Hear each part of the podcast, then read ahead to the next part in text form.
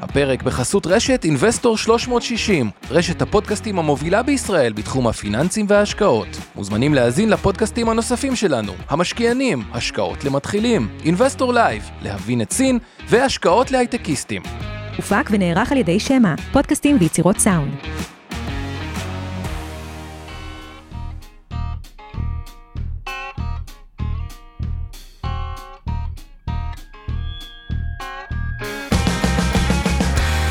המשקיענים אבנר סטפאק ועומר רבינוביץ' בשיחה חופשית על התחומים החמים ביותר בעולם ההשקעות.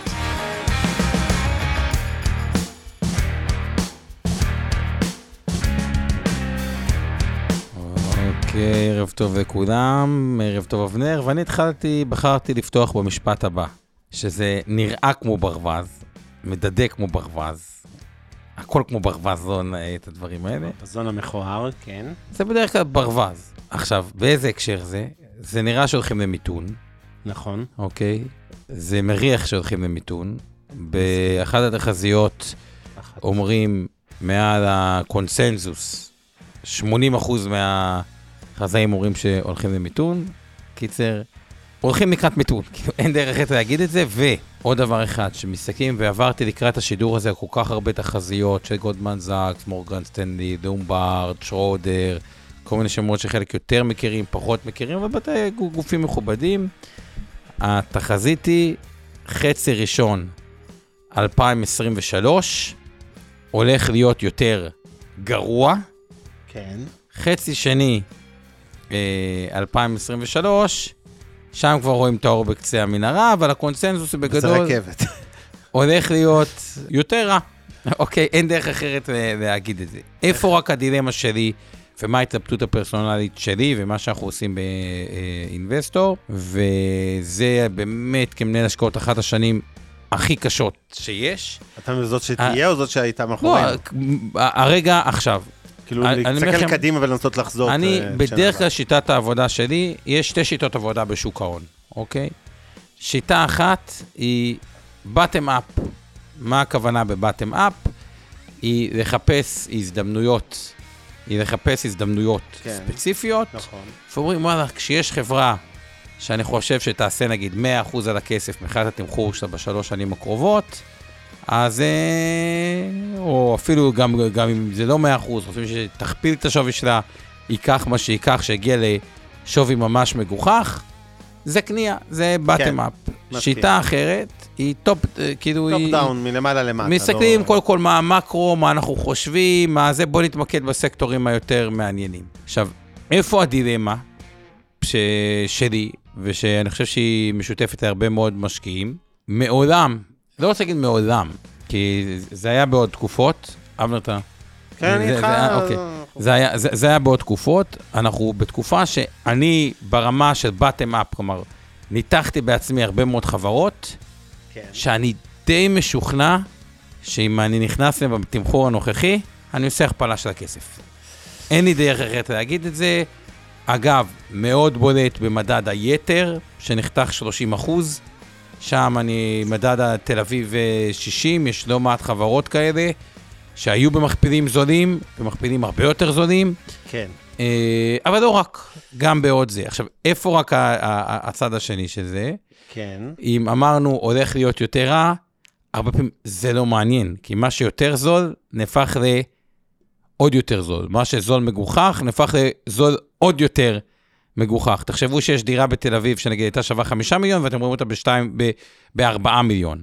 אבל עם הסנטימנט נגדכם, יכול להיות שתקבלו אותה בשלושה וחצי מיליון. ו- ופה, פה הדילמה. כאילו, יש באמת הרבה מאוד חברות שברמת החברה הבודדת, אני אומר, וואו, זה כאילו, זה טירוף לא להיכנס. זה כמעט טירוף לא לקחת הלוואה ולהיכנס להשקעה, כי כאילו, סביר מאוד שהם לא יעשו גם 10% בשנה, שהם יעשו 20 ו-25% כן. בשנה בשנים הקרובות בשביל לתקן למחיר שלהם. מצד שני, כל התחזיות וגם הסנטימנט, הוא נראה כל כך גרוע לקראת פתיחת השנה, ושסוף שנה תחזיות של כן. גופים ודברים כאלה, שבאמת אה, זה קצת אה, tricky, ואני רוצה להסביר פה משהו על, על, אה, על המחזור הכלכלי, אבל קודם כל, אבנר, בוא תיתן את ה input שלך ככה מלמעלה. טוב, אז קודם כל, בכותרת אני אגיד ככה, אני מאוד אהבתי משפט שכתב לנו פה בצ'אט אה, דני, זה שמבקש עכשיו שתביא דוגמאות למניות האלה שיעשו, הוא מסתפק ב-100% לשנה, הוא לא... לא 100% לא לשנה, אי אפשר להגיד 25, שנה קרובה, אבל... אה, אבל אהבתי את ההערה שלו, על זה שכשכולם מסכימים, אני מתחיל לדאוג. אז אני אגיד ככה, ההסתכלות שלי... כולם מסכימים שלילי, לא כולם מסכימים חיובי. כן, כן, אבל שנייה, בוא נדבר. בוא נעשה סדר. בעיניי, אנחנו הולכים לשנה לא טובה מבחינת הכלכלה העולמית, ועוד יותר מזה הישראלית, כלומר, בהיבט של מיתון, ולהבדיל, אני מתחיל להיות קצת אופטימי אפילו על שוק המניות, ואני אשב לכם את הסתירה, כי זה נשמע זה. אני אתחיל רגע דווקא מישראל. ישראל, וזה באמת, נתקו, אתם מכירים את דעותיי, אני מנתק את זה מהפוליטיקה. ישראל הולכת למעבר חד מאוד משנה, שנת שיא, לשנה מחורבנת בהיבט של שיעור הצמיחה של המשק הישראלי. אה, ההכנסות ממיסים, אין לי מילה אחרת חוץ מלהגיד קורסות. ירידה כי- כי של הרבה מהם נבעו, 70, הרבה מהם נבעו, מה כן, שלא כן, משותף, ונדל"ן. מנדל"ן והייטק, אז ונדל"ן. מהאופציות וכל הזה אין, נדל"ן קפוא, בדיוק. תזכרו. שבנדל"ן, רוב ההכנסה של המדינה ממיסים לא נובעת מהאם מחירי הנדל"ן עלו לא, או לא עלו. טרנזקציות, כמות אלא כמות טרנזקציות. העסקאות. ברגע שיש צניחה חופשית, כמו שאנחנו רואים בחודשים האחרונים, בכמות העסקאות, גם אם המחיר בכלל לא ירד, אפילו עלה קצת, בסוף זה אומר הרבה פחות הכנסות ממיסים.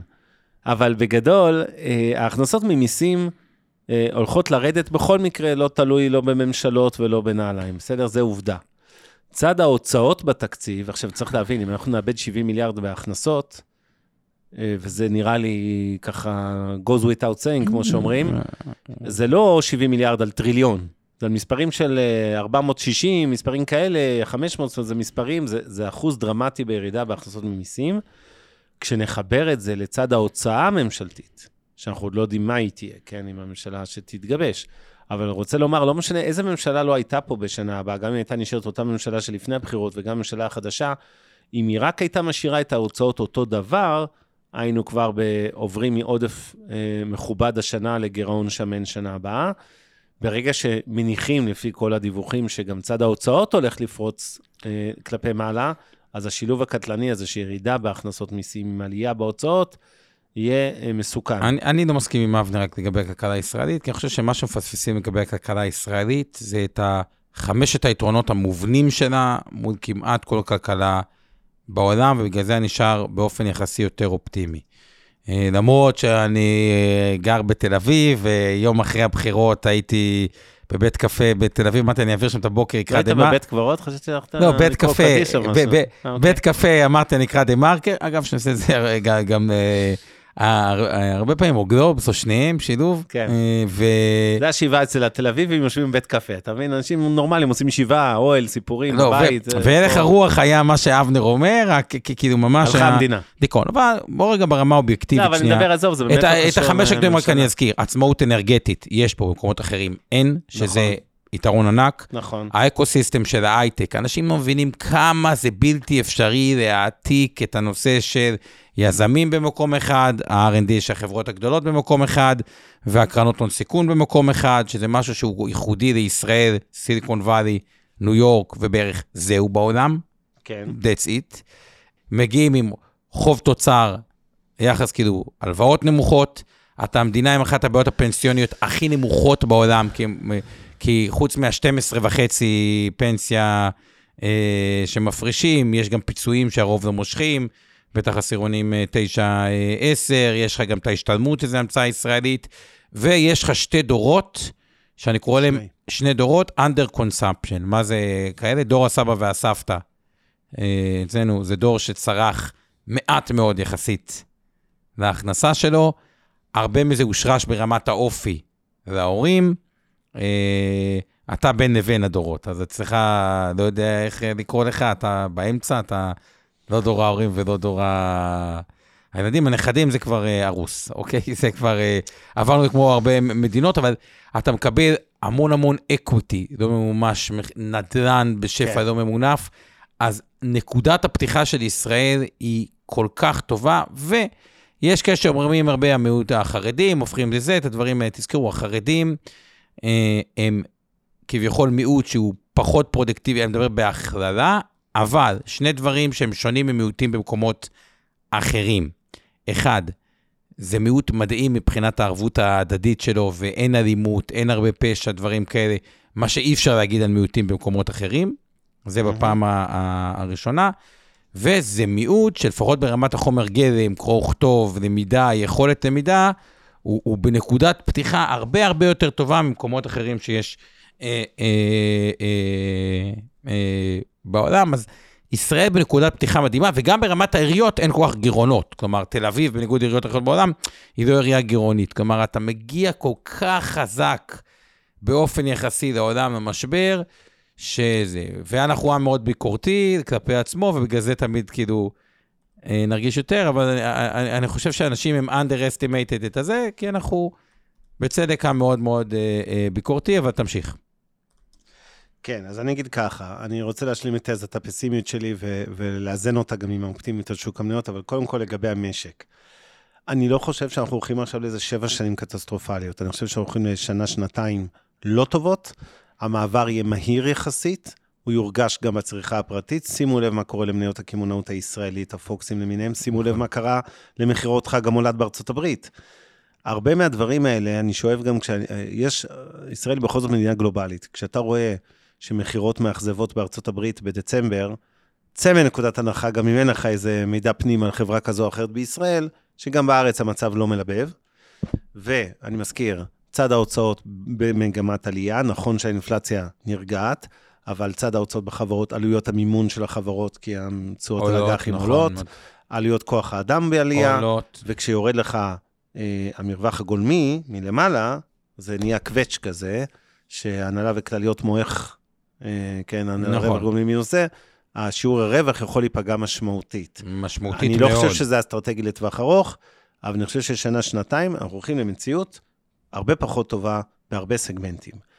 מסכים. Having said that, אני אגיד מה שני, שתי החדשות הטובות. אחת ששמעתם ממני את זה כבר אין ספור פעמים בחודשים האחרונים, האינפלציה היסטוריה. אני לא חושב שאנחנו צריכים לפחד מאינפלציה. יש כן, כן. תרחישים מאוד אה, חריגים שהיא תחזור, אבל בגדול, במיינסטרים, תרחיש. המרכזי, זה בעיה של העבר. רואים את זה בנדל"ן כבר שהצטנן, יופי. אפילו מחיר שכירות אומרים בחו"ל, מסכים, אבל אין- מה, בחו"ל. הרחבנו את זה, תמשיך. דבר שני, חדשות טובות, זה שבאמת, כמו שפתחת ואמרת, בשוק המניות יש הרבה מאוד מניות ספציפיות, ואני אגיד גם ענפים שלמים שנסחרים היום בזול, חטפו יותר מדי, תקשורת, אשראי חוץ-בנקאי, גילוי נאות, אני בעל שליטה בחברת פנינסולה, אז כמובן זה לא המלצה ולא ייעוץ השקעות חלילה ולהשקיע במניה הזאת, אבל באופן כללי, הרבה מהחברות האלה ירדו למכפילים נמוכים, לפעמים... כל ענף הפיננסים בדיוק. שחוט. לא להוציא את הפניקס. להוציא את הפניקס, כן, אה, אבו דאבי. אבו דאבי וזה. שאלו אותנו על זה, אגב, תכף תזכיר לי, שרצו שנתייחס.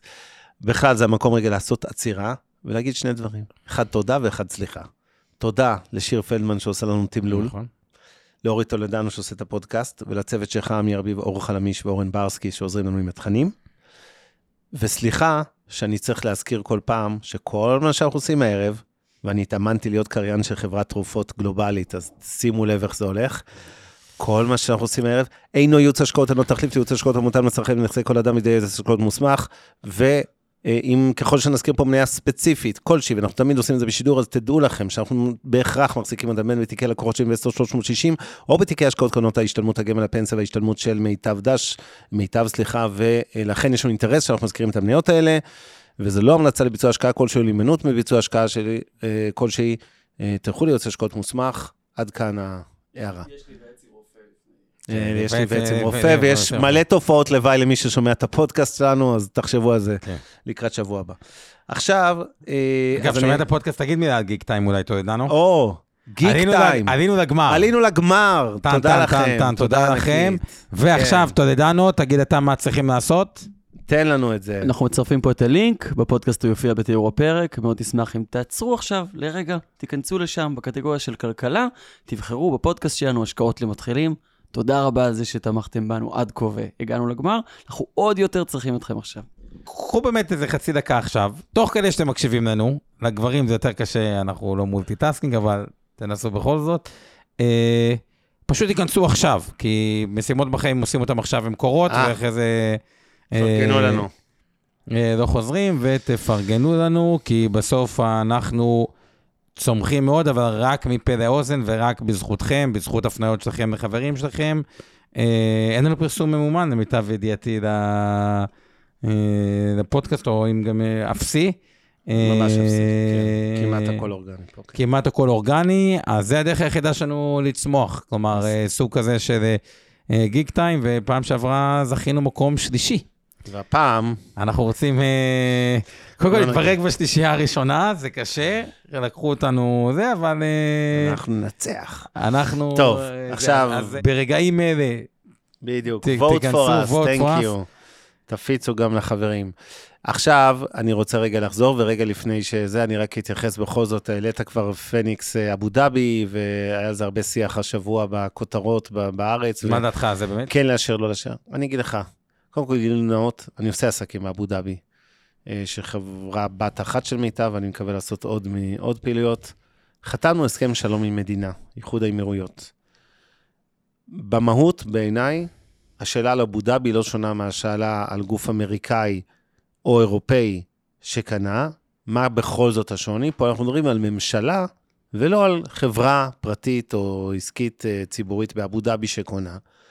כל ההבדל בין, בעיניי, איזה קרן private equity אמריקאית אירופאית שקונה את הפניקס ומוכרת אותה הלאה, כמו שהיה עם Centerbridge, שעשו כמובן תשואה פנטסטית והשקעה מעולה אה, בפניקס, כל ההבדל בינם לבין ממשלה כלשהי, וזה משל ממשלת ארצות הברית, או קרן העושר אה, CalPERS, כן, של אה, אה, לצורך העניין קרן הגדולה, קרן הפנסיה מקליפורניה, או כל הדברים, הגופים האלה. היו פה אגב בעבר CDP, Caisse de dépôt et placement, זה קרן פנסיה של סוג של חצי סמי-ממשלתית, כן, בקנדה, של מחוז, אה, מחוז הקוויבק הצרפתי, אה, שהחזיקו פה מניות בבינלאומי, ובעוד, אה, שכחתי, אה, אחד מקרנות הפנסיה ממש היו, לדעתי אפילו אולי בשליטה, או לכל הפחות בשליטה משותפת.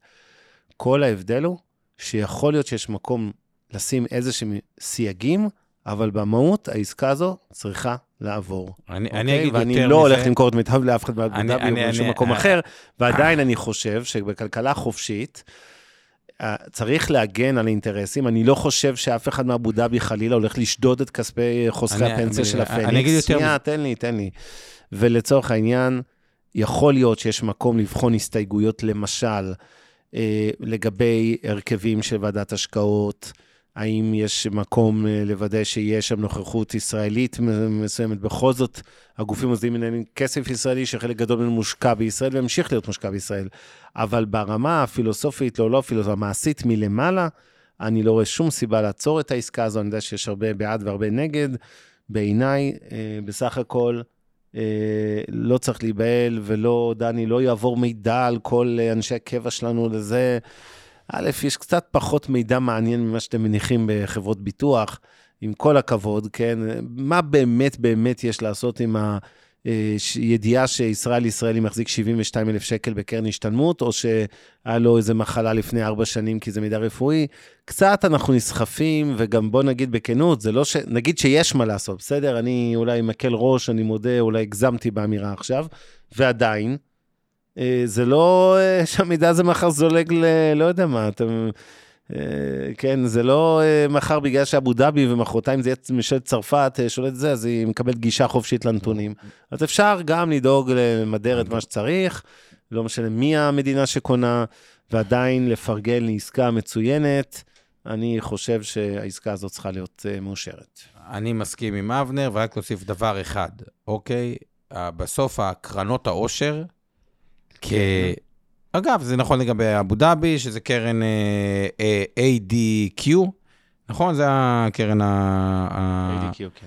הקונה, נכון לגבי נורבגיה, נכון לגבי זה. כאופי של משקיע, הוא משקיע נהדר. הוא לא כמו private equity, לחוץ, לקצץ, לפטר את הדברים האלה כדי נכון. להשיא ערך. הוא משקיע באמת אסטרטגי לטווח הארוך, אה, שיכול גם לתמוך בזמנים שצריך. נכון. ובגדול, הקרנות העושר, הם משקיע טוב, כביכול, אה, כ- כ- אה, אה, כמשקיע, ויש שם הרבה reputation. אל תשכחו, קרן עושר, שעושה בשפה האשכנזית קצת פוידשטיקים, או...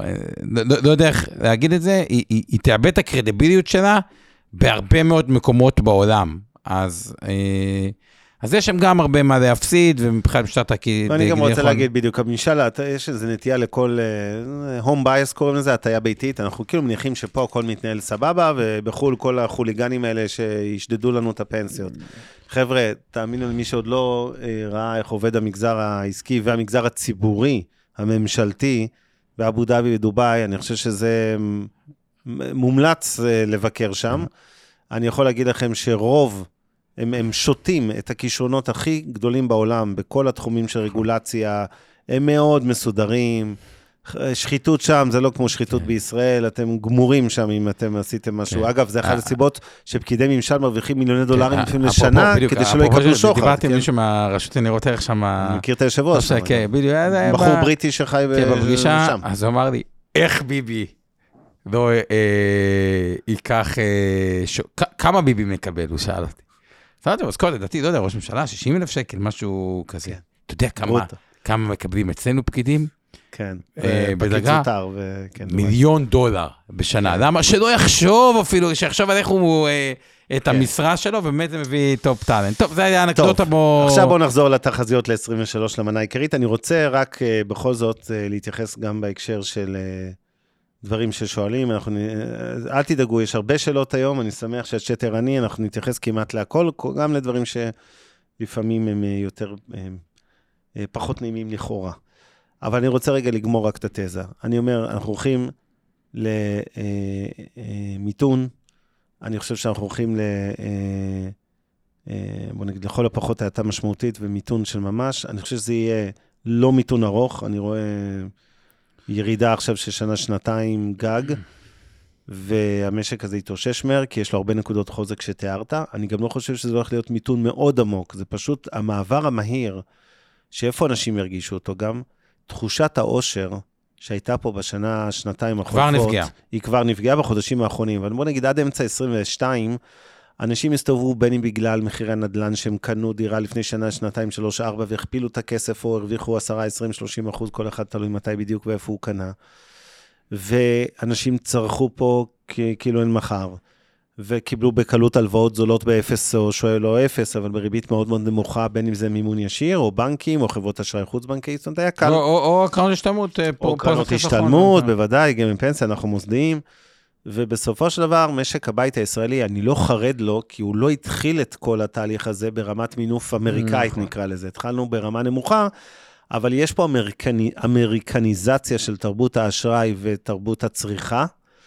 התהליך הזה אה, גרם לזה שמינוף משקי הבית החמיר מאוד בשנה החולפת, אה, אה, משמעותית. ואנשים, אה, וזה לדעתי מה שכרגע, הריבית הגבוהה הזאת, ההתייקרות של האינפלציה שיקרה לאנשים את, את ההוצאות, המחירי שכירות שעלו, ההחזר המשכנתה שעלה משמעותית אה, בשנה החולפת עם כל עליית הריבית, וצפוי להמשיך לעלות גם בחודשים הבאים. המשכנתאות החדשות שנלקחו השנה, שכבר בחודשים האחרונים במיוחד, נלקחו בריביות שיא כל הזמנים מטורפות. בסופו של דבר, כל גל ההתייקרויות האלה גורם לאנשים פתאום קצת להרגיש פחות עשירים ממה שהם הרגישו לא, עד אני- לפני חמש אפילו דקות. קצת אני אהיה יותר אלים מזה. כן. בן אדם שהצליח לחסוך 3,000 שקל בחודש משפחה, והריביות עלו ב-2,000 שקל משכנתה, כן, לנו דברים כאלה, הוא פשוט חותך צריכה, כאילו, הוא לא קונה בגדים, אפרופו דיברת, כאילו, פחות יוציא על אה, ביגוד, luxury, דברים, יוותר על חופשה אחת וכו', ואנחנו נפגוש את זה בדוחות כספיים. כאילו, כן. נייקי, Lululemon, דברים כאלה, יהיה, יהיה פגיעה, וזה cross over כאילו בכל העולם, ואז מה שיקרה, עולה יותר שאלה, אנחנו ראינו את זה, איפה- ראינו את הקריסה? חברות שנסחרו במכפיל, אם המכפיל הממוצע של המכירות הוא פחות משתיים, אוקיי, ב-S&P. זאת אומרת שחברה שנסחרה במכפיל מכירות 20, והיא לא צומחת יותר, כן. כי היא צמחה בהייפר, ומספיק שהיא כאילו מתייצבת, שזה גם כאילו שמרה על ההייפר צמיחה שלה, כן. תאורטית היא צריכה לרדת 90 אחוז, באמת ירדו את זה. כלומר, יהיה פה הצטמקות של ה... יכולה להיות תופעה של הצטמקות אה, מכפילים, כחברה ש... מה שאבנר אמר הוא מאוד מאוד חכם, אני רוצה לחזור רגע אה, על, על מה שהוא אמר בהתחלה. חברות, יש להן הוצאות קבועות, מה שאומר הנהלה וכלליות. אתה לא יכול לפטר יועץ משפטי, אתה לא יכול לפטר רואה חש... את הסמנכ"ל כספים, נכון. אתה לא יכול, כאילו, יש הרבה פונקציות, אתה לא יכול לפטר את ה-IT.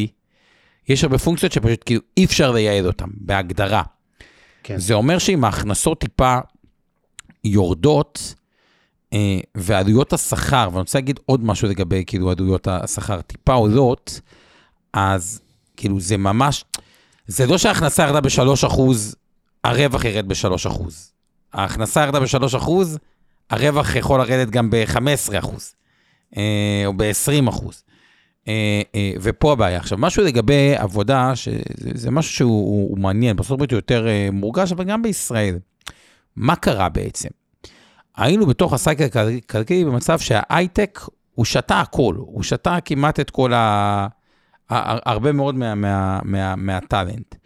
עכשיו, תסתכלו על ארה"ב לדוגמה, ונדבר עם כל מיני יזמים, קבלנים, כאילו, כל מיני אנשים שמתחום האינדסטריה והייצור. כולם מבינים, אוקיי, צריך להעביר קצת את הייצור מסין, אז חלק הולך לווייטנאם, מקסיקו, מלזיה, דיברנו על זה, וחלק גם חוזר הביתה לארה"ב כביכול.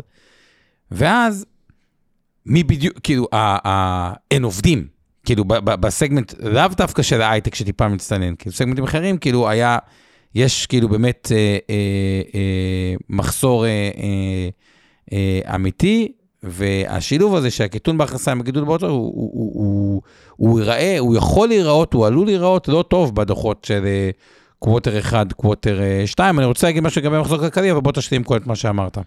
אוקיי, אז קודם כל, אה, אמרתי, ברמת המיתון, אמרתי מה אני מעריך שיקרה. בארץ אנחנו נעבור ממדינה שהצטיינה, נקרא לזה, בצמיחה כלכלית, בחוזק, השנה, ב-22 ובטח ב-21, אנחנו הולכים להתהפך, להיות מהכלכלות הפחות מוצלחות בקריטריונים האלה. שוב, אני מדגיש, זה לא קשור לחילופי השלטון. זאת אומרת, גם אם היה נשאר ממשלת לפיד, הייתי אומר דברים דומים. עכשיו, הפחד שלי מחילופי השלטון בהקשר, שוב, כלכלי נטו, זה שגם צד ההוצאות יגדל ויעמיק את הבעיה עוד יותר. אבל גם אם לא יגדל, גם אם תאורטית ישמרו על תקציב דומה מבחינת צד ההוצאות לשנה שעברה, אנחנו צפויים לשנה לא טובה, נקודה. זאת אומרת, זה קרב אבוד, זה לא קשור לפוליטיקאים, אלא לנסיבות, אה, נקרא לזה יותר חיצוניות של אה, קריסה אה, של הרבה מאוד מניות בהייטק וקריסת ההכנסות ממיסים מהאקזיטים, ושתיים, קריסת כמות העסקאות בנדל"ן, גם אם המחיר לא ירד אפילו במילימטר, הכנסות המדינה ירדו משמעותית, וזה ו- בהקשר הזה. עכשיו, במה זה שונה ממה שקורה נגיד בארצות הברית? דיברנו קודם מה הבעיות בישראל. אחד, מינוף אה, מוגזם של משקי בית, בארצות הברית זה הפוך. אחרי שנים שהאמריקאים היו סופר ממונפים, שם יש איזה כרית ביטחון, דווקא בזכות הקורונה וכל המענקים שם וכולי, הם יחסית, יש להם, נקרא לזה, אה, שיעור אה, אה, מינוף היום אחד הנמוכים דווקא היסטורית, אוקיי? אני מדבר של משקי הבית, לא מדבר על ארה"ב כמדינה, אלא על משקי הבית האמריקאים. עוד בלמים, למה אני לא חושב בכלל שהיא מיתון קשה, לא בישראל ולא בחו"ל, אוקיי? אלא מיתון מהיר וקצר, ולא מאוד קשה. פשוט בישראל זה יבלוט יותר, כי כאילו אנחנו עוברים מפלוס שמן למינוס שמן. אז זה מרגיש כאילו יותר דרמטי, אבל זה לא יהיה דרמטי. מה עם הבלמים, נקרא לזה, הרשת ביטחון של ישראל ברמת משקי הבית? אחד, אה, ירשנו אה, חסכונות מאוד גבוהים, תיק הנכסים הפיננסיים של הציבור, החסכונות בבנקים, יש הרבה כסף נזיל לאזרחי ישראל, ועוד יותר מזה בארצות הברית ואירופה. דבר שני, אה, יש השקעות גדולות במשקים, גם בישראל, גם בעולם, בטכנולוגיה, לכן חברות ההייטק נפגעות מבחינה כלכלית הרבה פחות מאשר המניות שלהם קרסו. ברור שיש גם פגיעה בהכנסות וברווחיות, אבל, אבל המניות קרסו הרבה יותר, לכן גם זה סקטור מעניין בעיניי להשקעה, נגיע לזה בהמשך הערב, אבל אה, המניות שלהם קרסו יותר מדי, החברות נפגעו, אבל לא עד כדי כך, ועדיין יש השקעות בכל העולם בטכנולוגיה. למרות המיתון הזה שנדבר עליו, ימשיכו להשקיע הרבה מאוד כסף, וזה עוד, נקרא לזה בלם מספר 2 לעוצמת המיתון. בלם מספר 3 זה שוק העבודה. כתבה פה מישהי שהבעיה היא אבטלה, לא, הבעיה היא לא אבטלה. אה, יש, אה, שוק המשבר הזה תופס את העולם וגם את ישראל בתעסוקה כמעט מלאה, ברוב המקומות, עם שיעורי אבטלה דווקא נמוכים.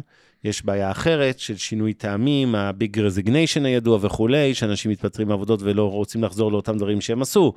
אבל במהות, אה, שיעור ההשתתפות בעבודה, ובטח אה, שיעור האבטלה, מה שנקרא, הם במצב מצוין יחסית בארץ ובעולם, ולכן אני לא רואה מצב שחברות מזדרזות עכשיו להתחיל לפטר אה, עובדים, אלא אם תהיה ממש הידרדרות משמעותית, ואני לא צופה עד כדי כך, בסדר? אז חשוב לי להגיד את זה. אמ, וחלק גם מהמעבר הזה, צריך להגיד, מצמיחה למיתון הוא גם טכני, כי מה קרה בקורונה? מדינות, כולל ישראל, שפכו ערימות של כסף על תמריצי קורונה וכולי. זה לבד, ברגע שאתה מפסיק את זה, וזה כמובן מופסק כבר מזמן, גילח איזה 4% מהצמיחה העולמית, בסדר? רק, רק העניין הזה שממשלות מפסיקות לתמוך ב... א- אגב, בחברות. א- אבנר הזכיר ממשלות, עוד דבר, כן. רגע, נקודה לגבי ממשלות, למה יש עוד איזושהי בעיה טכנית? עד עכשיו, בעשור האחרון, כל פעם בגלל סיבה אחרת, אבל כל פעם שהיה בעיה, המדינות תמכו, כולל נכון. בקורונה. עכשיו הן מגיעות לזה בצורה הכי פגיעה שהן יכולות להיות. אחד, אבסולוטית יש להם הרבה חוב. כלומר, צריך כן. כן. חוב, אפילו ארה"ב, אוקיי, יחס חוב תוצר. אני לא מדבר על איטליה, אה, אה, ספרד, גרמניה, כאילו, ישראל היא חריגה קצת כלפי אה, מטה, אבל הרבה חוב. עלויות הריבית שלהם מאוד עלו, כלומר, ההוצאה, כאילו, גם אם לא משנים כלום במבנה ההוצאות, רק על הריבית צריך לשלם הרבה יותר. כלומר, ההוצאות נכון. גדלות רק מתוקף זה שתשלימי הריבית גדלו משמעותית, בדיוק כמו חברה. כן. והדבר האחרון, ראו את זה בבריטניה, כששר האוצר שם בא עם אה, תוכניות הזויות אה, כן. למיניהם, השוק לא כאילו. מעניש. מעניש, מה זה מעניש? כלומר, היכולת של מדינה היום להתפרע, בניגוד הקורונה, שכאילו זה נכון. היא יותר נמוכה. כלומר, אין באמת את היכולת של המדינות לעשות את הצמיחה המסיבית שהם עשו, בלי שהשוק יגיד, וואלה, אולי הם כאילו איבדו, אה, יאבדו את אמון המשקיעים, וזה גרוע, זה מקרה ארגנטינה ונצואלה ומקומות כאלה. בדיוק. אז עכשיו, אני רוצה אה, להסביר כמה דברים. אז קודם כל, למה אני פסימי למיתון, או חושב שכאילו המספרים פה יהיו מאכזבים בישראל מבחינת המצב הכלכלי. שוב, אני מפריד את כל זה מהדיון על מניות, אתם תשמעו אותי כמעט מדבר הפוך על שוק המניות, ולמי שלא מבין איך זה יכול להיות, הוא הרי דיבר פה חצי שעה כמה הוא פסימי על הכלכלה, ופתאום הוא נהיה לי אופטימי על שוק המניות. זה לא אפי בגלל שיש לי אינטרס תמיד להיות אופטימי על שוק המניות, תאמינו לי, תסתכלו בהיסטוריה, היו לא מעט פעמים שאמרתי ששוק המניות לדעתי יקר מדי. לדעתי גם אמרתי את זה לא מעט גם בפודקאסטים פה, כבר לפני שנה או יותר, לא אגיד שידעתי בדיוק מתי שוק יקרוץ, אבל כשאני חושב שהוא יקר, אני אומר שהוא יקר, דיברנו על רצועת הסיכון, ואמרתי לכם שאני חושב שצריך להיות בשליש התחתון שלה, אתם זוכרים, בלא מעט שידורים, והיום אני חושב שכמובן צריך להיות בשליש העליון שלה, כי המחירים פשוט ירדו. איך מתיישבת הסתירה לכאורה בין זה שאני פסימי על מיתון ואופטימי על מניות? אתם צריכים לזכור שבורסה, בסוף, היא אינדיקטור מקדים. היא חוזה התפתחויות במשק. אין כמו 22 שנה נהדרת להמחיש את זה. אחת השנים הטובות בצמיחה, ואחת השנים המחורבנות בשוק המניות. כלומר, בכלכלה הייתה שנה מאוד חזקה, ישראל תבלוט עם צמיחה מאוד חזקה השנה. כשישה אחוז צפוי. בדיוק, מספרים חזקים מעל התחזיות המוקדמות של כל הגורמים בעולם, כולל בנק ישראל וקרן מטבע. אנחנו, וגם את זה אמרנו כבר לפני הרבה זמן. אז הצמיחה בישראל, בטיס, זאת אומרת, כן, שנת שישה 22 אחוזים. מסתכמת בצמיחה חזקה של 6 אחוז, אחת השנים החזקות אה, שלנו בהיסטוריה. ומצד שני, אנחנו יודעים כולנו ששוק המניות, אפילו בתל אביב, ולא כל שכן בכל העולם, היה אה, השקעה גרועה מאוד. זה אה, למה בעצם ראינו ירידות בשוק המניות בשנה החולפת, בין היתר, כי יש הנחה לעתיד, כן. שבעתיד השווקים ייכנסו למיתון, במילים אחרות, שהרווחיות של הפירמות תרד. הרי התחלנו לראות את זה כבר חלקית בחלק מהחברות ברבעון שלוש, ונראה את זה בארבע. כנראה שבשנה הבאה זה יבלוט עוד יותר, זאת אומרת שבשנה הבאה הכלכלה תבוא לידי ביטוי בדוחות הכספיים ובתחושת המיתון אה, שהרבה אנשים ירגישו. ובדיוק כמו שהשנה ראינו תמונת הפוכה בין שוק מניות לכלכלה, יכול מאוד להיות שגם בשנה הבאה, בהנחה שאנחנו לא צועדים למיתון שעכשיו הולך להיות שבע שנים רעות, ואני לא חושב שאנחנו בתרחיש הזה, יכול מאוד להיות ששנה הבאה תהיה שנה טובה לשוק המניות, למרות שהיא תהיה רעה למגזר העסקי ולמשקי הבית בהיבט... אז לפני שאנחנו ממשיכים ונותנים לך את שוק המניות, אני רוצה לעלות כאילו ממש 30 אלף רגל, יאללה, ולהסביר רגע את המחזור... מעלה ה- ומשווה. משווה מעלה, סליחה. להסביר רגע את המחזור הכלכלי ואיפה אנחנו נמצאים היום, וזה יהיה הפתיח טוב, ולאן אנחנו הולכים גם עם שוק ה- ה- המניות. אז אני אתחיל כאילו, אני אתחיל דווקא כרונולוגי, לא מהשלב הראשון, מהשלב השלישי. מה זה השלב השלישי של שוק המניות? שאנחנו מאוד אה, אה, פרודקטיביים, אה, ה supply הולך כמו שצריך, האינפלציה בגלל זה היא מאוד stable, אה, בגלל שהיא stable הריביות אה, אה, נמוכות, ואפילו היה ביטוי, שזה התורה, התורה הייתה אה, אה, ששלטה בעולם הכלכלי, וכולם הלכו לפיה, זה just in time. מה זה just in time? שיטה זה- יפנית של טויוטה ו... כן, זה לא צריך להחזיק הרבה מלאים, בדיוק. לא צריך זה, זה, למה? הכל productivity, שהכל, תחשבו על זה כמו שעון שוויצרי מתקתק.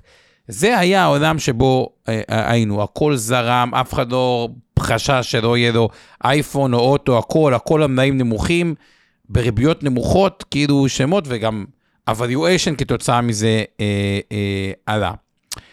אה, שלב 4, מה שקורה, בגלל ששלב 3 הלך, אז שימו לב, הנפט היה נמוך, אף אחד חשבו את הדברים האלה, נוצר מצב שהיו השקעות הוניות, ודווקא היה, אם יש פודקאסט שאני מצטער שלא הקשבתי לו יותר, באמת חרטה עמוקה, כן. שבכל הטרפת שהייתה סביב מניות הטכנולוגיה, ממש הסביר, תקשיבו חבר'ה, אנחנו בעשור, הוא נתן את ההיסטוריה של אה, אקסון מובייל, חברת הנפט, כי זה היה כן. כל הדוגמה, תראו כמה טכנולוגיה גדולים במדד, וחברות הנפט לדעתי הם היו 4% מהמדד, שפעם כאילו להבין, החברות נפט היו כאילו המדד, זה כאילו, כן. היה הטכנולוגיה, והם אמרו בין השאר, בגלל השקעות לא טובות שנעשו בעבר, כמו שעכשיו יש גז סטארט-אפים שכנראה יהיה תוצאה פחות טובה, אז נוצר עשור של תת-השקעות במכרות, בדברים כמו כאילו מנפט, כאילו אה, בסיסי, אבל גם אה, עוד כל מיני מתכות ודברים כאלה.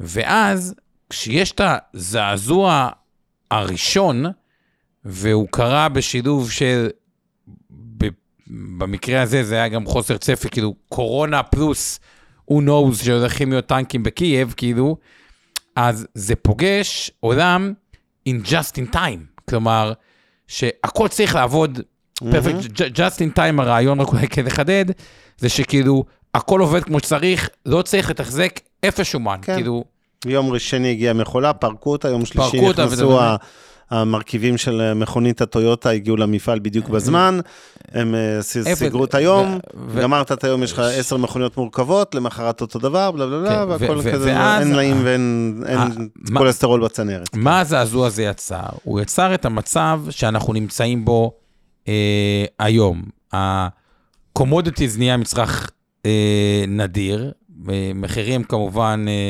אה, עולים. כשהקומודיטי נהיה אה, יתיר, אז כאילו פתאום יש אינפלציה אה, אה, משוגעת, זה מכריח את הריביות אה, לעלות, אה, וכתוצאה מזה, יש ה-valuation של החברות יורד. א', יש אלטרנטיבה, יש ריביות, יש דברים, יש חוסר ודאות, יש תחושה לא טובה, גם כל אחד בחברות ייצור, כאילו, מרגיש את זה על בשרו, שמשהו לא עובד טוב למי שנמצא, וגם השינוי שפתאום צריך לשנות דברים, הוא עוד יותר, כי עובד ש... אה, כאילו, אם אין עובדי ייצור כי זה עבר לסין כי היה יותר זול, ופתאום צריך לפתוח קווי ייצור בארצות הברית, זה בהגדרה מלא מעסיקים רבים על עובדים, מהמם. שהם נמצאים עכשיו ב... ב, ב, ב, ב כאילו, בעודף אחד לא על עובדים. סופליי. לא, יכול להיות שיהיו מפוטרי הייטק, אבל כאילו, ייצור כאילו חסר, מעט. והכשרות, וזה עולה הרבה יותר כסף, וזה תהליך מאוד מאוד אה, אה, יקר. ואז, מה שקורה, וזה המצב שנמצאים בו היום, שהוא מצב בגדול שמרגיש לא טוב, נראה רע. אה, סתם, יש סיפור לדעתי על מניית אלבד, הקימו מפעל ברוסיה, באמצע החליטו לנטוש אותו, לעבור לארה"ב, כאילו מפעל... הדברים האלה זה, זה, זה, זה ים כסף שכאילו, הוא בגדול אה, נזרק, אפשר לדבר כל המימון לזה, זה בריביות יותר אה, אה, אה, גבוהות אה, וכו'. ואז, מה שיקרה עכשיו, שזה הסטייג' הבא, יגידו, אוקיי, יש בעיות כוח אדם, יש כל מיני דברים כאלה, איך פותרים את זה? אוקיי, יש חברות עם כסף, והם המציאו פתרונות שבעיקר מה שנקרא industrial 4, מה שאומרים. אה, בואו נחשוב איך עושים ייצור באמת הרבה יותר חכם, שצריך פחות כוח אדם. נכון. ובואו נשקיע בזה, ונעשה הכל בצורה יותר חכמה. כלומר, ניקח מסקרץ', בואו בוא, נפ... בוא נסתכל על העסק מחדש. קצת אה, באותו הקשר מה שאילון מאסק עשה עם טסלה, נסתכל, אוקיי, בוא, עזבו מה היה 200 שנה בייצור רכב, בואו בוא, בוא נסתכל על זה מחדש, ונחשוב איך עושים את זה בצורה יותר חכמה. חסר עובדים בבנייה, 200 שנה לא היה פיתוח בבנייה ובונים פחות או יותר באותן שיטות. בואו נחשוב על זה מחדש. אם אפשר לעשות את אותו דבר, יותר טוב, יותר יעיל, בפחות זמן, ואז עושים את זה, החברות משקיעות בזה, מוצאים את הפתרונות, ואז עוד פעם, יש פרודקטיביות, מצאנו פתרונות יותר יעילים, אין לחצי שכר, ה commodities יורד, האינפלציה יורדת, הריביות באפס, higher valuation, אה, הכל עובד טוב, אה, עד שעוד פעם המעגל הזה אה, חוזר. אז עכשיו אנחנו נמצאים באזור ה- ה- הלא טוב של האזור. מה יקרה בהמשך? ובואו נדבר רגע, אם אנחנו מזכים על החצי הראשון 2023 כאבוד, כי גם התהליכים האלה לוקחים זמן לייצר את זה. בואו נראה רגע לאיזה שוק אנחנו נכנסים אחרי המכה שנקבל, שתהיה רבעון, שתיים, שלוש, אבנר אומר שנה, כן. שנתיים, לדעתי יהיה יותר קצר מזה, אבל לא משנה. מגיעים לתוך עולם שקודם כל השוק חוזר להיות שוק של מעסיקים. כלומר, המעסיק, הוא יכול לבחור כוח אדם לפעמים יותר איכותי, כל מיני כאלה שפיטרו אותם מהסטארט-אפ או מגוגל. מי חשב שמשרד ממשלתי יכול לקחת פתאום אולי עובד גוגל שלא זה, אז אולי אני קצת מקצין, אבל לא, הרעיון הוא, אה, אה, הוא, הוא, הוא ברור. אז עובדים יותר טובים, צריך לשלם עליהם פחות כסף, או לא להתפרע כסף, ובטח לא להתפזר לתוך מסיבות, מטוסים פרטיים לאיביזה ודברים אה, כאלה, אה, אה, שזה סביבה עסקית יותר טובה. אה, גם פחות איום, כי מה שקורה עם כל הסטארט-אפים, גם החברות הגדולות נלחצו מזה, רגע, הסטארט-אפים שם מכל החדשנות, התחילו לפזר כספים על חדשנות בלי באמת שליטה, קצת התמקדו יותר ב, ב, ב, אה, ברווחיות, אה, ויצאו מזה חברות הרבה יותר חזקות, והכול בסדר. זה שחברות יקרסו ויפטרו את כל העובדים שם, בחלק מהמקומות שהם לא יעילים, אז בגדול, יש מקומות שזה מאוד מאוד כואב הלב, ובאמת, כאילו, צריך לעשות הכל כדי להימנע מזה, כמו המפעל של ה-900 עובדים בצפון שם, אה, אה, שסוגרים איתו, שזה עובדים שמתמחים בזה. אבל אם יש סטארט-אפ שלא מצליח, אז עובדים שייכנסו לתוך סטארט-אפים שכנראה הם יותר פרודקטיביים אה, אה, לעולם, בתקווה, אה, והכל בסדר, אין עם זה בעיה, זה אפילו בהיבט מסוים זה טוב ל, אה, לכלכלה.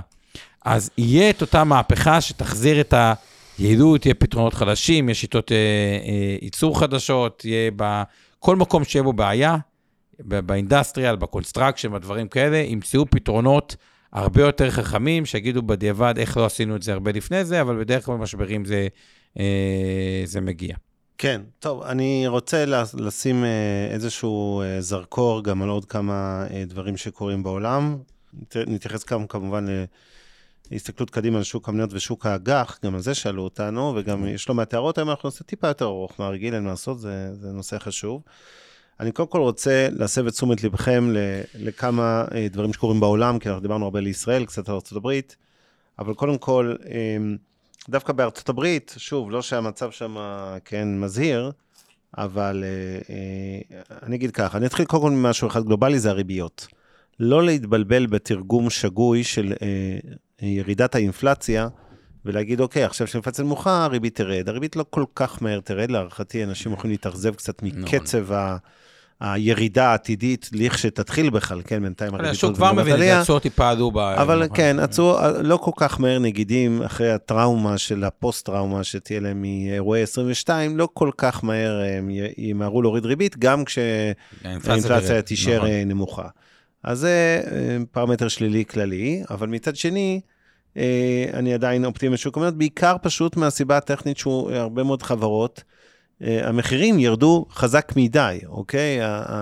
הדוחות הכספיים לא נפגעו במשהו שמצדיק את הירידה החדה של המניות שלהם, ולכן בעיניי זה, זה, זה הבסיס. בוא- בוא נגיד ככה. בסיס ה- 2, רגע, בסיס 2 לא, אבל תגיד. זה- זה- חלק כן מוצדק הירידה, כאילו פשוט זרקו... בסדר, נדבר בהכללה. כלומר, בהכללה פשוט היו חברות שזה זה, אבל תמשיך. אז אני אומר, פעם אחת ירדו יותר מדי.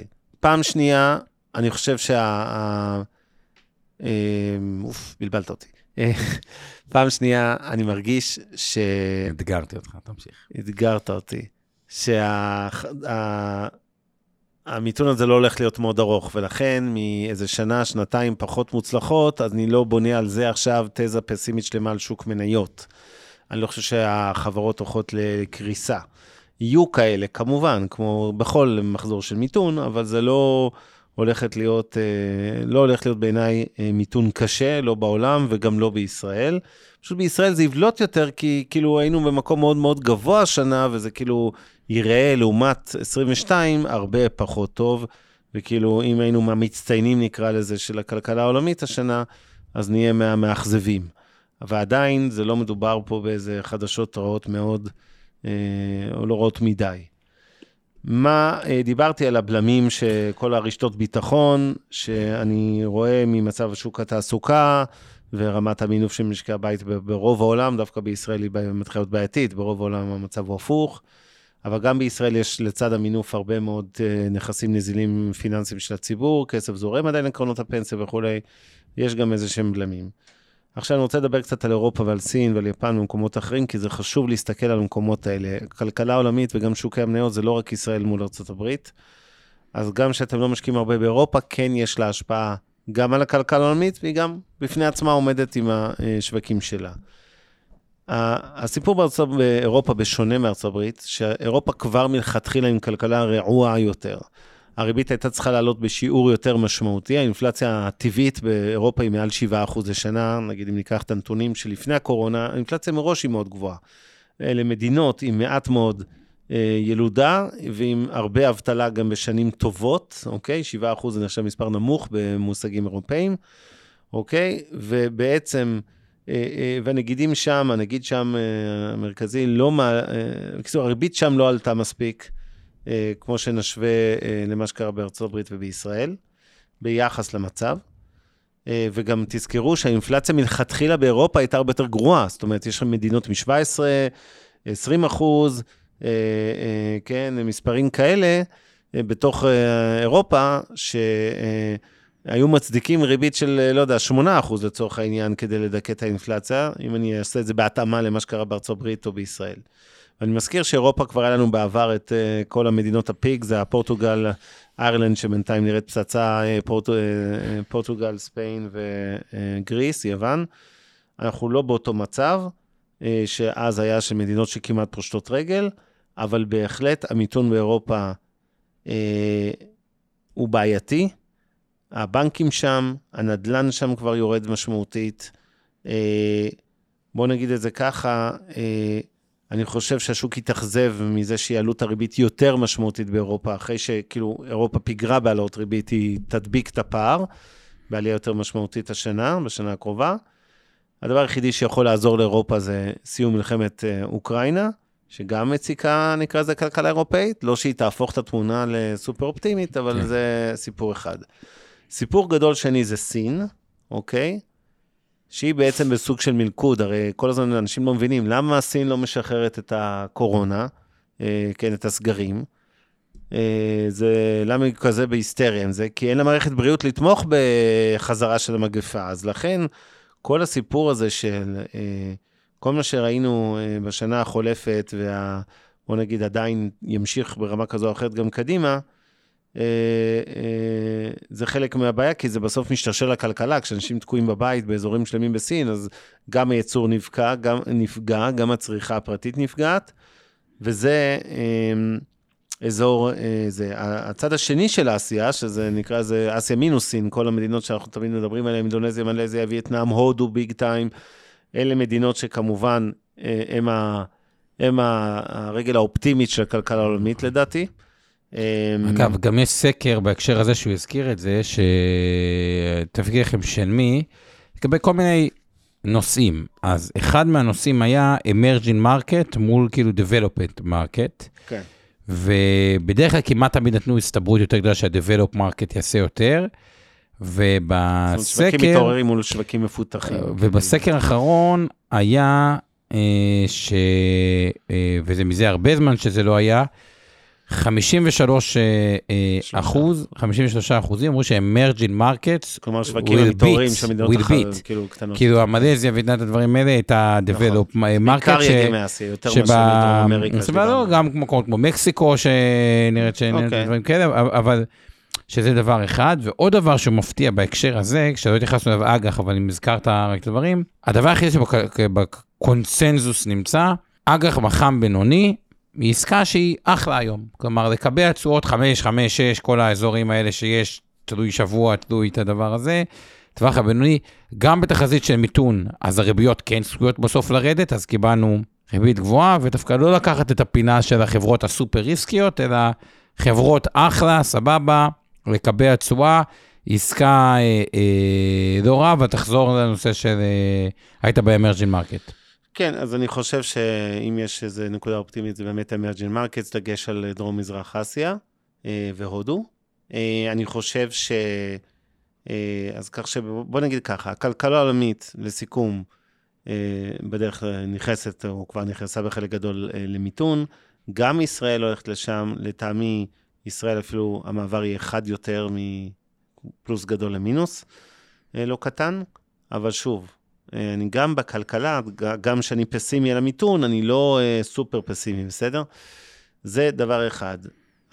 צריך גם להבין עוד כמה מילים בכל זאת על ישראל, כי זה בטוח מעניין הרבה אנשים, לא רק מזווית של השקעות עכשיו, אם uh, במניות בישראל או בחו"ל, אלא גם מזווית של החיים עצמם, כמו שאומרים, וה, והשוטף. ישראל, חלק גדול מהצמיחה בשנים האחרונות, uh, הייתה, התבססה על גידול חד בחובות באשראי. זה נכון גם למשקי בית, שקנו הרבה יותר, טסו הרבה יותר לחו"ל, קנו רכבים יותר יקרים, מחירי יד שנייה עלו אפילו, כמו שאנחנו יודעים, והרבה מהרכישות האלה בוצעו במינוף. נכון. ב-100% במימון ישיר במגרש הרכב של חברה זו או אחרת, בהלוואות מכרטיסי אשראי, בהלוואות מקופות הגמל פנסיה וכולי. גם החוב של המגזר העסקי, לא רק משקי הבית, צמח אה, משמעותית. למעשה, השנה כנראה שובר שיא בקצב העלייה שלו, יותר מאי פעם, אוקיי? אה, אפילו בארצות הברית ב-30 שנים האחרונות לא הייתה שנה גרועה כמו שנת 22 בישראל, בהקשר הזה של אה, זינוק בחוב של המגזר העסקי. הרבה מהחוב הזה הלך לנדל"ן, שזה גם בעייתי, כי נדל"ן הוא לא מעורר צמיחה במשק, אוקיי? זאת אומרת, זה ש... אה, זה לא, זה לא השקעות חדשות, זה לא ששטראוס פתחה עוד אה, שלושה מפעלים, וחברה X עשתה עוד, אה, קנתה עוד שלוש חברות וכולי וכולי, זה הרבה מאוד מהאשראי הזה הלך פשוט ל- להחליף ידיים בנכסי נדל"ן, זאת אומרת, במקום שבן אדם א' החזיק, קנה ממנו בן אדם ב', פעם היה משכנתה 600 אלף, היום המשכנתה היא מיליון. חברת נדל"ן א' קנתה מחברת נדל"ן ב', או מהמדינה, מרמ"י, קרקעות, אז פשוט היא שילמה מיליון וחצי שקל ל- ליחידה, ל- כן, לדירה, ועל הקרקע, מרכיב הקרקע, ופעם זה היה 300 אלף.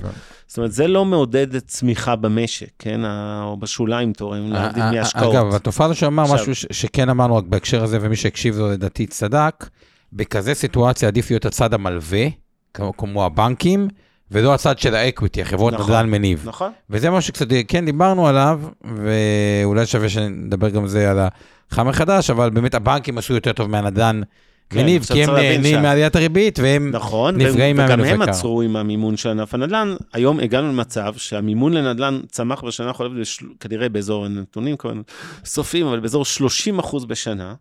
כמעט הכל, זאת אומרת, זה העלה את המשקל של הנדל"ן בתיקי האשראי של המגזר העסקי ל-30 אחוז, שזה מטורף.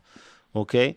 אתם במשכנתאות, מי שמכיר את זה ברמה האישית, המשכנתה עכשיו אוטוטו חוצה את המיליון שקל ממוצע, אוקיי? ו- ולא רק שהיא עלתה, היא גם נלקחת בריביות מטורללות היום, הרבה יותר גבוהות ממה שהיה פה לפני שנה, שנתיים או יותר. אה, שיעור המשכנתאות בריבית משתנה עלה דרמטית ב-22, אוקיי? זה, זה, בעולם זה 40 אחוז, בישראל זה 60 אחוז. זה לבד מקפיץ את ההחזרים כן, דרמטית נכון. עם כל עליית הריבית שעוד לא נגמרה. זאת רוצה לומר, בסופו של דבר, כל השימוש הזה, כל הגידול החד באשראי, ש- שמימן הרבה מהצמיחה, מהדוחות הכספיים הטובים של אה, פוקס וקסטרו ואחרים בשנים 21-22, מהדוחות של יבואן הרכב המצוינים, אה, כל הדברים שמסביב, הגורם הזה כרגע מתחיל להיות משקולת. הוא היה מעודד צמיחה במרכאות, למרות שהרבה ממנו הלך כאמור למקומות לא נכונים כמו נדל"ן, הוא עכשיו יתחיל להיות אה, משקולת. אה, צריך גם להגיד עוד דבר, הרבה מהגידול הוא באשראי חוץ-בנקאי, שזה אשראי מלכתחילה גם יותר יקר, אוקיי? הגידול באשראי הצרכני מהבנקים השנה לא עלה הרבה, אבל חוץ-בנקאי, המימון ישיר, הוויזה קל, הישראכרט, והחברות, אני מדבר על המשקי הבית רגע, או חברות אשראי חוץ-בנקאי, כולל גם שלנו, שם היה רוב הגידול, והגידול הזה כמובן הוא בריביות הרבה הרבה יותר גבוהות, זאת אומרת, זה לא הלוואות אה, בפריים מינוס חצי או פריים פלוס שתיים. בדיוק, עכשיו, תדמיינו מישהו שקנה משרד בקבוצת רכישה, מומן ב-8%, שהלך ל-9% עם מעליות הריבית, כי היה זה, או מ-6 שקפץ ל-9. סוף התקופה, המשרד מוכן, הוא לא מוצא סוחר כי יש מיתון, ועכשיו הוא מוצא את עצמו עם ריבית יקרה, הבנק מוכן לממן אותו מחדש, פלוס, אה, לא יודע מה, אה, אה, כאילו, מצ- פלוס ארנונה ודמי ניהול, מצב שהוא הוא כל כך קשה, שזה כאילו, כן. זה קשוח. אוקיי, אז כשאני מצרף את ה... כשאני מסכם את ישראל, רגע, אנחנו מדברים על גידול חד באשראי, גם מגזר פרטי, גם מגזר עסקי. אנחנו מדברים על גירעון שכאמור אמור להיות גבוה יותר משילוב של תנועת מלקחיים של צניחה בהכנסות ממיסים מהייטק ונדל"ן, לצד כנראה עלייה בצד ההוצאות של הממשלה הבאה, ושוב, חלק מזה זה, זה אין ברירה, כמו שכר מגזר ציבורי. עם כל ההסכמים שיהיו, עם שוטרים ועם אחיות ועם רופאים, וצריך לעשות את זה גם, צריך להגיד בכנות. אבל בסופו של דבר, וגם מעבר לזה, יש הרבה מאוד תוכניות אה, שהן כן קשורות כבר לזהות השרים והממשלה שתיכנס, של הרחבה תקציבית.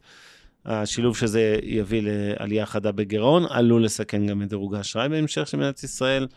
אה, האינפלציה זה הצד הטוב, היא כבר לא הבעיה, עברנו מאינפלציה של מוצרים לאינפלציה של שירותים, דיברנו על זה, זאת אומרת מזה שהמחירים יתייקרו במכולת, בסופר, בנדלן וכולי, עוברים יותר לעכשיו לשירותים, לפסיכולוג שהעלה מ-300 ל-500 בשלוש שנים האלה, או 350 ל-500, תלוי איפה, אה, לעובדת סוציאלית, לכל בעלי המקצועות החופשיים, לספר שהעלה מ-50 ל-70 שקלים ומאז הפסקתי להסתפר, וכל מיני כאלה. בסופו של דבר, אה, אני חושב שאנחנו באמת בסיטואציה אה, פסימית ברמת המשק. זה כן ילחץ את הריבית, את נגיד בנק ישראל להתחיל להוריד ריבית יותר מוקדם ממה שהייתי מניח, אוקיי?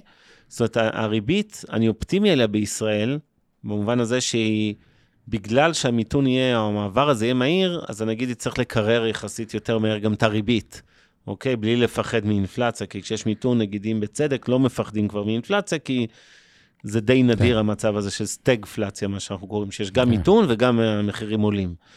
אה, בדרך כלל כשיש מיתון, אז הביקושים יורדים, אז מן הסתם מחירים, בוא נגיד, או עולים קצת, או אפילו יורדים. אה, ההסתברות לדיפלציה, שאלו אותנו על זה, היא נמוכה מאוד. אני לא חושב שנראה ממש ירידה אבסולוטית של מחירים. יכול להיות תמיד איזה שנה אחת מינוסים, היו לנו כאלה כמה שנים, ב-20 שנים האחרונות היו איזה שלוש שנים, נדמה לי, של אינפלציה שלילית, אבל זה לא יעשה את זה, זה לא, זה לא הולך להיות, אה, כן, מינוס אה, 10% או 7% במחירים, לא לדאוג. למה בכל זאת אני אופטימי על שוק המניות, וחייבים לסיים משהו אופטימי, ואז נעבור אליך? קודם כל, יש משהו, אני לא אה, מאמין עצום בסטטיסטיקה, אבל בכל זאת, ברוב השנים, היו, אה, ב-70 שנים האחרונות, 19 שנה ה-S&P 500 ירד, אוקיי? ו-51 שנים הוא עלה. אם נבדוק מה קרה בשנה אחרי, 16 מה-19 היה עלייה בשנה שלאחר מכן. זה כוח די חזק. ואגב, התשואה הממוצעת בשנה העוקבת, כאילו הייתה- ב-23 גבוהה הייתה מאוד. 15 אחוז, כן, כן, כן. אם התשואה, אני מזכיר לכם, שוק המניות 8, 9, 10 אחוז ממוצע אגב, רב-שנתי. העשור אחרי שנה של ירידה מעל 25 אחוז, היה ממוצע 200 אחוז. כאילו, שתבינו את העוצמה של להיכנס עכשיו. כן. עכשיו, אם נסתכל על הצמיחה בארצות הברית, אוקיי? ב-70 השנים האחרונות, רק 11, ש- ב-11 שנים מתוך 70, ראינו צמיחה שהייתה נמוכה מאחוז או אפילו שלילית, אוקיי? ושימו לב, רק פעמיים בשנים האלה שכבר היה שלילי, אוקיי? גם שוק המניות ירד. אני מזכיר שוב, שוק המניות הוא אינדיקטור מקדים. הוא לא משקף את ההווה של המשק. אם יש שנה לא טובה כמו 23 במשק העולמי או הישראלי, וזה כנראה מה שיהיה להערכתי, זה לא ששוק המניות אה, באותה שנה יורד. להפך, הרבה פעמים אומרים, כש, כשאדם יורד ברחובות זה הזמן לקנות, זה בדרך כלל השלב שבו שוק המניות דווקא מתקן למעלה, כי הוא צופה כבר את היציאה מהמיתון, אוקיי? ובסופו של דבר, נראה שאנחנו בהקשר הזה, בסך הכל במקום אופטימי וחיובי על שוקי המניות בעולם בכלל. אה, אני חושב שסקטורים של אשראי, או בואו נתחיל מהאשראי הוא קטן, טכנולוגיה, תקשורת ואשראי, זה שלושת הסקטורים המעניינים ל-23, בפרט בישראל, אבל לא רק. מה תיאורטית יכול לגרום לזה שאני אטעה, או מעשית לגרום לזה שאני אטעה בתחזית היחסית אופטימית שלי על שוק המניות? כי בכל זאת יש כמה דברים. א', אם תהיה הרגשה שהמיתון הוא עוד הרבה יותר חמור מאיך שאני רואה אותו, ואני על סקלת החזה המיתון נמצא כבר מראש בצד הפסימי יותר של מיתון, אם יהיה יותר גרוע, אז כמובן אה, זה יקשה על שוק המניות לעלות, אין מה לעשות. אה, דבר שני, שוק המניות אמריקאי, להבדיל מישראלי ולהבדיל מאירופאי ולהבדיל מרוב אסיות, הוא לא כזה זול גם היום. זאת אומרת, תזכרו, נכון שהוא חטף, כן. אבל ברמת מכפילים, אנחנו לא מדברים על איזה כסף על הרצפה בהכללה, אוקיי? ולכן, המכפיל רווח העתידי, שהוא לדעתי מעשית באזור ה-2022, הרשמי הוא פחות מזה, הוא בטח 18. לא, המכפיל העתידי הוא 17.3. אוקיי, אני אומר, אה, רשמית, אמרתי 18, אז 17, לא חשוב החצי, אבל למה אני אומר מעשי? כי אני חושב שההרעה במיתון תהיה יותר משמעותית, זאת אומרת, הרווחים העתידיים של 23 יהיו, יראו פחות טוב מאיך שחוזים אותם, אבל אה, אם אני צודק, אז בכל מקרה המכפיל, גם מכפיל 17-18 הוא לא מכפיל זול, בסדר? ואם מעשית זה יותר גבוה, אז, אז זה, שוב, זה מכפיל סביר, אבל תבינו, אנחנו ירדנו ב-30 אחוז, או תלוי באיזה מדד, בשוק המניות האמריקאי, ואחרי הירידה הזאת, אנחנו פחות או יותר, זה המכפיל הממוצע ההיסטורי ב-30 שנים האחרונות היה 17 וחצי, עכשיו זה 17.3 נגיד. זאת אומרת, בסך הכל, אנחנו עכשיו במכפיל הממוצע, זה לא אולי מחיר מאוד יקר, אבל זה בטח לא מחירים זולים במושגי מכפילי רווח, למרות הירידה החדה אה, בשוק המניות. זה, זה צריך לזכור. לכן, אני לא אה, מסתער על השוק האמריקאי רק מהסיבה שב-2022 הוא היה אחד מהגרועים בעולם, ואז אני אומר, וואלה, תקנו הכי הרבה את מה שירד הכי הרבה, לא. אני חושב שיש שווקים יותר מעניינים, זה לא אומר שכן, אף אחד לא יכול שלא להחזיק מרכיב משמעותי בארצות הברית, בכל זאת זו הכלכלה הגדולה בעולם, וגם הרבה מהחברות שלנו, הישראליות, נסחרות בבורסות שם וכולי. לא ישראל היא אבל- כלכלה גדולה בעולם? מה זה? לא ישראל? לא, ישראל עדיין לא. אה, אוקיי. אולי בקרוב. תן איזה שנה, שנתיים לממשלה, ונהיה, תן לה צ'אנס, אה, ונהיה זה הכי צומחת אוקיי. בעולם. תגיד לי זאת התזה שסיימת, ואז... סיימתי תורך. ואנחנו אה, נתייחס, אה, יש המון המון המון הערות בצ'אט, לא לדאוג, לא אני- רוצה לסיים בשני דברים. אחד, אני רוצה לחזור איתכם לסצנה בשר הטבעות מספר 2. הייתה שם סצנה מאוד יפה, שכאילו, פתאום, אה, למוזרים כמוני, שגנדלף מגיע, אה, ואז פתאום יש את הסצנה של השמש והם יורדים אה, למטה, ושאומרים שהשמש מגיעה ברגע הכי חשוך, באנגלית זה נשמע קצת אה, אה, יותר טוב. מתקרבים מהאזור שכאילו נראה חשוך, וזה יהיה, ה- אני חושב תמיד הכי חשוך לפני עלות השחר. נכון, נכון? נכון, נכון, עכשיו נכון, לך. נכון, אז... אה, תמיד הכי חשוך. אה, אז, אז השאלה היא, כאילו, אנחנו לא כזה רחוקים, כלומר, גם מי שבחוץ, מי שבפנים בפנים, מי שבחוץ, או בנמוך ברצועה, צריך להתחיל להפנים את זה שכאילו איפשהו לתוך הגל הירידות הבא, אם יהיה, כאילו שם הוא כבר, הוא צריך להיכנס, כאילו, הטעות הכי גדולה שמחכים יותר מדי. עכשיו אני אגיד לכם מה עבד לי טוב בחיים, מה עבד לי פחות טוב בחיים, ומה אני משליך את זה ל- אה, לסיטואציה הנוכחית. מה שלא, אה, אה, כל אחד צריך לגבש לעצמו בסוף איזושהי דרך. הדרך שלי, בסוף יותר השקעות ערך, כלומר, אני מתקשה לשלם יקר עבור ציפיות עתידיות שמספרים לי סיפורים.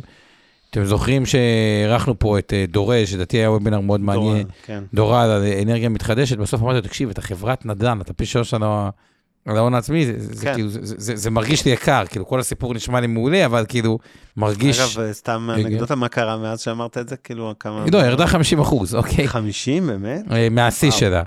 אה, אבל הרבה חברות, כאילו, נדל"ן, לגבי הודו, נגיד, מה שאבנר עשה, גם פה מתקשה להשקיע בכזה דבר, כי קשה לי לקנות מכפלי 20, פלו- כי- כאילו, כל מקום שסטיתי בחיים קצת, אני אחד שחושב שבסוף משמעת היא הדבר הכי חשוב בהשקעות. הזיפזופ הוא יותר מדי, האסטרטגיה שלי היא לא יותר מדי אה, אה, טיימינג, כלומר, אני בדרך כלל אהיה באזור הגבוה של הרצועה שלי, מראש הרצועה שלי באזור הקצת קצת יותר, מ- מ- מ- מראש היא באזור הגבוה, כלומר, אני אחד שאלה אם כן הוא מזהה בועה הוא בשוק, אוקיי? אני לא מזהה בועה אז אני בשוק, אוקיי?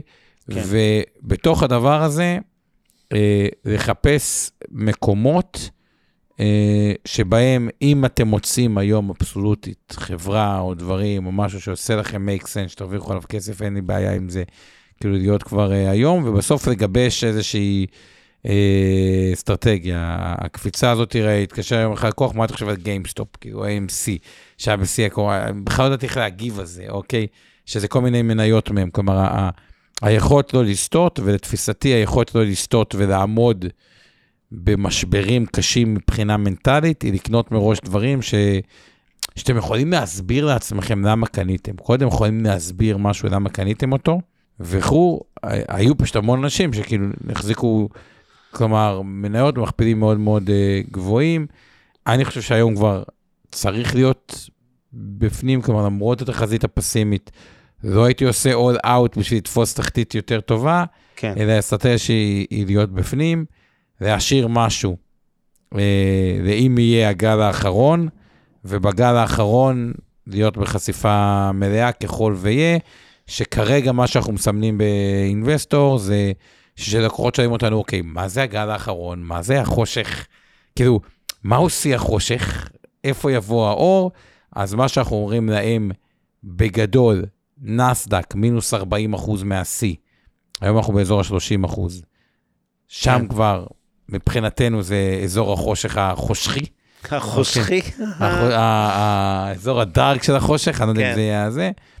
S&P מינוס אה, אה, 30 אחוז, עוד רגע אני אסתכל, אתן לכם בדיוק ב- בנקודות, אבל זה לדעתי, אני אני אגיד לכם בדיוק את ה- את ה- את הכמה זה, וזה הסיכום שלי, ואני גם די מסכים עם הדברים שאבנר אה, אמר. טוב, אז אנחנו מזכירים לכם, כי אנחנו הולכים לא, להיפרד, לא. ששבוע הבא יהיה מפגש מרתק על כל הנושא של תזכורת של טיפים סוף שנה, מיסוי, גמל, הפקדות וזה, כדי שיהיה לכם עוד כמה ימים לבצע את כל מה ששכחתם לעשות.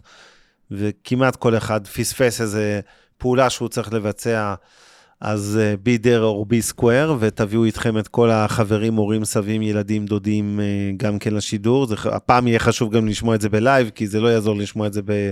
כן. 31 לדצמבר או בשני בינואר, שקצת אה, too late, כי יש הרבה דברים שאפשר.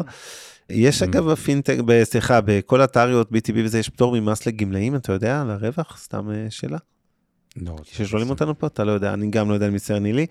אה, בכל אופן, אז תהיו איתנו שבוע הבא, תצביעו לנו בגיק טיים, תעבירו הלאה את זה לאחרים, אה, והיה לנו כיף להיות איתכם כרגיל, וניפגש פה בשלישי הבא. לילה טוב לכולם. והכתובת להצביע, יש פה 130 אנשים שנשארו איתנו עד הסוף אמר. אם כולם יצביעו, הרבה אנחנו יותר, זה רק אשכרה... אלה שהם בזום. נכון, יש עוד בפלטפורמות נוספות. אמ, האם מי שכל אם שכאן נשאר ועדיין לא יצביע, יצביע, יש לנו ממש טוב, סיכוי טוב להגיע למקום ראשון או שני. פרישמן, שבעה מה שצריך שקלים לעשות, למנה. להיכנס ללינק שמופיע בתיאור הפרק בפודקאסט. אז תעצרו, תלחצו על התיאור בפרק בפודקאסט, יש שם את קטגוריית כלכלה, לבחור שם השקעות למתחילים.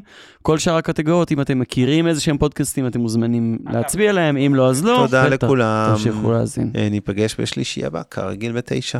לילה טוב. מעוניינים ללמוד יותר על עולם ההשקעות? האזינו לפודקאסטים נוספים שלנו. המשקיענים, אבנר סטפאק ועומר רבינוביץ' בתוכנית אקטואלית עם כל מה שחם בעולם ההשקעות. Investor 360 Live, אורן ברסקי ועומר רבינוביץ' מארחים את בכירי שוק ההון ומבינים את הטרנדים החשובים לשנים הקרובות. להבין את סין עם יובל ויינרב, עם כל מה שרציתם לדעת על הענקית מהמזרח. השקעות להייטקיסטים עם צח איציק, שיבנה איתכם תוכנית כלכלית להגשמת החלומות שלכם, והפודקאסט ההשקעות למתחילים, לכל מי שעושה את צעדיו הראשונים בעולם ההשקעות.